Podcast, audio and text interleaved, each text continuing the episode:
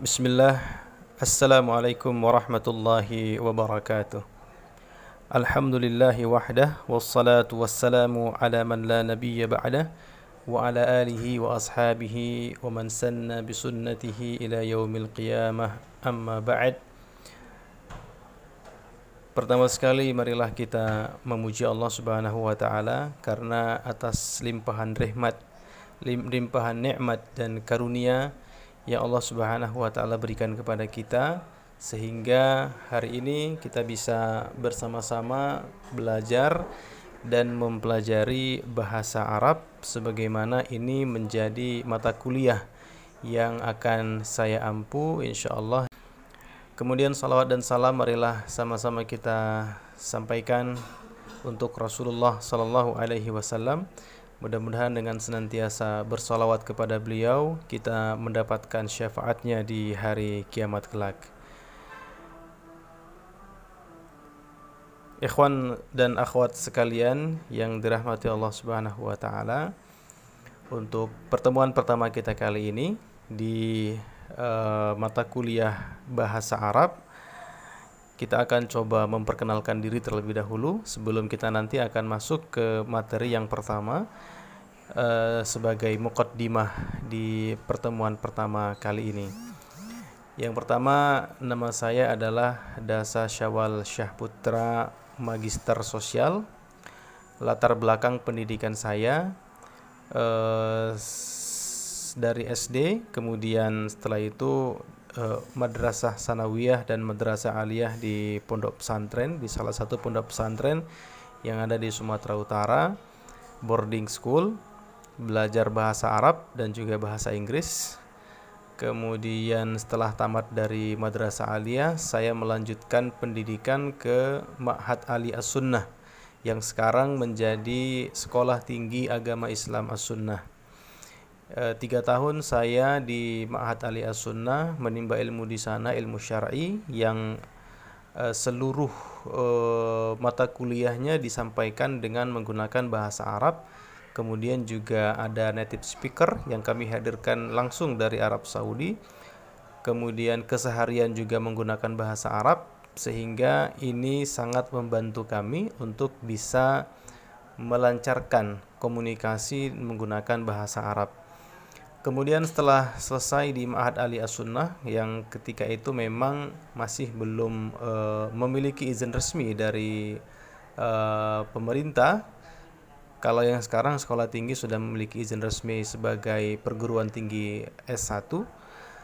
Maka setelah selesai tiga tahun diploma 3 saya melanjutkan untuk mengambil strata 1 di Sekolah Tinggi Agama Islam Darul Arafah uh, tamat S1 kemudian S2 saya melanjutkan ke Universitas Islam Negeri Sumatera Utara mengambil jurusan komunikasi Islam. Lebih kurang itu latar belakang pendidikan saya. Kemudian sekarang saya uh, sebagai dosen di Sekolah Tinggi Agama Islam As-Sunnah mengampu beberapa mata kuliah. Kemudian selain itu saya juga bekerja di Salam TV sebagai direktur pelaksana untuk uh, mengorganisir uh, segala bentuk operasional yang ada di Salam Televisi Indonesia. Eh, kira-kira uh, itu perkenalan singkat kita untuk uh, pertemuan pertama kali ini. Uh, mudah-mudahan bermanfaat dan mudah-mudahan kita semua bisa berbagi ilmu. Uh, antum semua bisa mengambil manfaat dari saya dan saya juga nanti mudah-mudahan bisa mengambil manfaat dari apa yang antum miliki intinya adalah bahwa dalam proses eh, belajar mengajar kita secara online kali ini kita saling tukar eh, pengalaman, saling tukar informasi. Mudah-mudahan dengan begitu kita bisa saling melengkapi satu sama lainnya. Baik, eh, untuk materi pertama kali ini saya sudah tulis seputar pentingnya belajar bahasa Arab.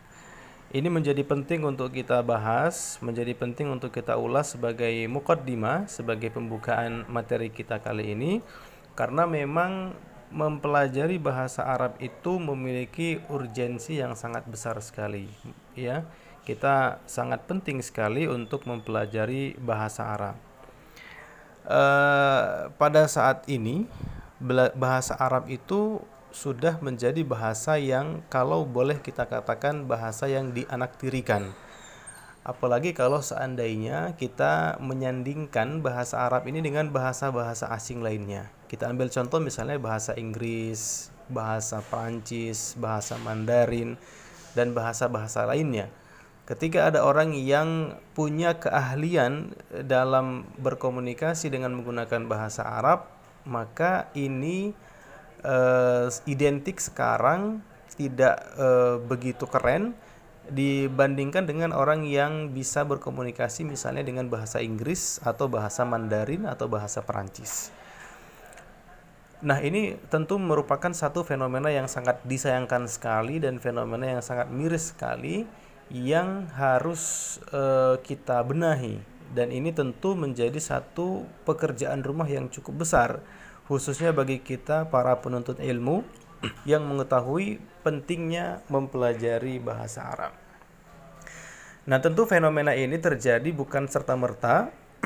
fenomena ini terjadi bukan uh, hanya sekedar terjadi, tapi tentu fenomena ini terjadi karena ada sebab. Fenomena ini terjadi karena uh, mungkin kehilangan rasa kepercayaan diri dari masyarakat kita, khususnya umat Islam, untuk bisa bangga menggunakan bahasa Arab ini sebagai bahasa yang memang memiliki urgensi yang sangat luar biasa sekali. Nah, mungkin di antara sebab kenapa kemudian orang e, meninggalkan bahasa Arab atau mungkin banyak orang tua yang tidak mendorong anak-anak mereka untuk mempelajari bahasa Arab. Mungkin salah satu alasannya yang akan kita paparkan di materi ini adalah karena ketidaktahuan kita ketidaktahuan mereka terhadap apa saja keistimewaan yang ada di dalam bahasa Arab tersebut. Kalau boleh kita menganalogikan e, dengan suatu analogi sederhana bahwa sesuatu itu akan kita perjuangkan secara maksimal apabila kita tahu keistimewaan dari sesuatu yang kita perjuangkan tersebut. Misalnya, seorang pemuda yang ingin mempersunting seorang wanita sebagai pasangan hidupnya. Nah, ketika ada dua orang wanita yang sudah dikenal, kemudian satu sudah diketahui apa saja keistimewaan yang ada di dalam wanita tersebut dan yang satu lagi kita belum ketahui keistimewaannya atau mungkin bahkan kita tidak mendapatkan ada keistimewaan di uh, wanita wanita tersebut, maka kita akan berupaya semaksimal mungkin untuk bisa mendapatkan wanita yang uh, sudah kita tahu apa saja keistimewaan dari wanita tersebut. Nah, dengan segala cara yang uh, kita upayakan, pasti kita akan terus berusaha untuk bisa mendapatkan wanita tersebut untuk bisa kita jadikan sebagai pasangan hidup.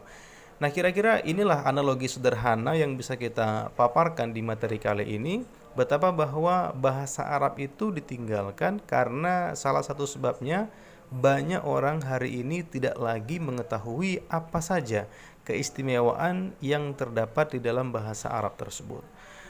Padahal kalau seandainya kita rinci satu demi satu keistimewaan yang terdapat di dalam bahasa Arab, maka ini akan sangat banyak sekali keistimewaan-keistimewaan yang bisa kita eksplor. Keistimewaan-keistimewaan yang bisa kita dapatkan.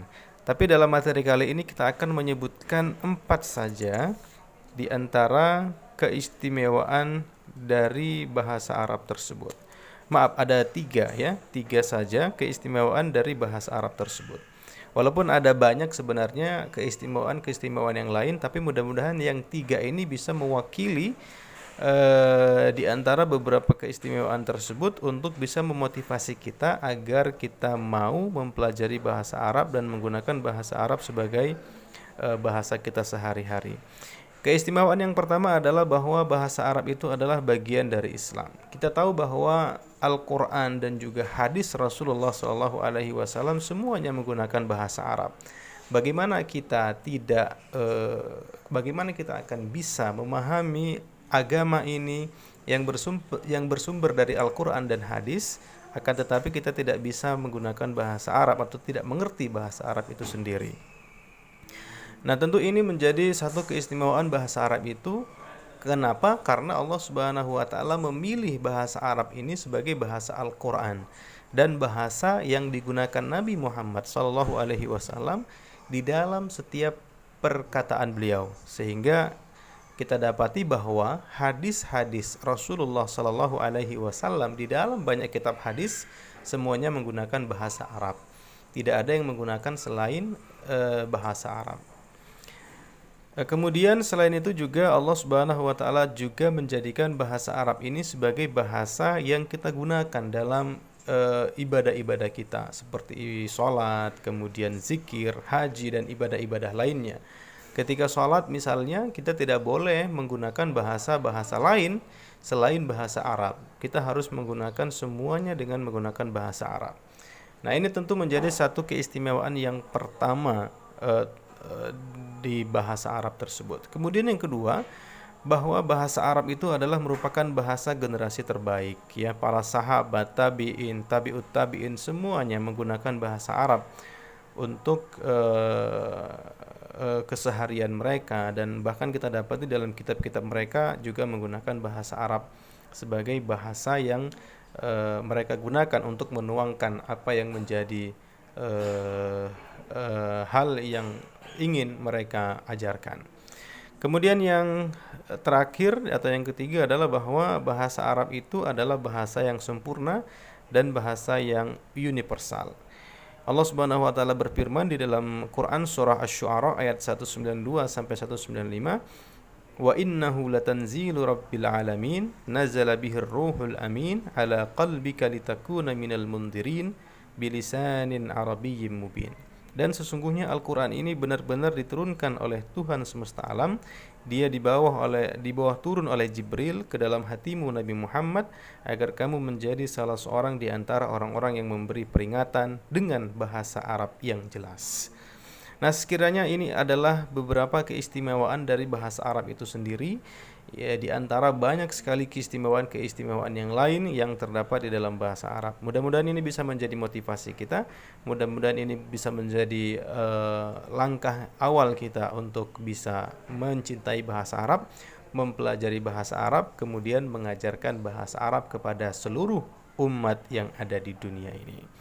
Uh, demikian materi uh, pertama kita untuk uh, pertemuan kali ini. Insya Allah nanti ke depan kita akan melanjutkan dengan materi-materi yang lain.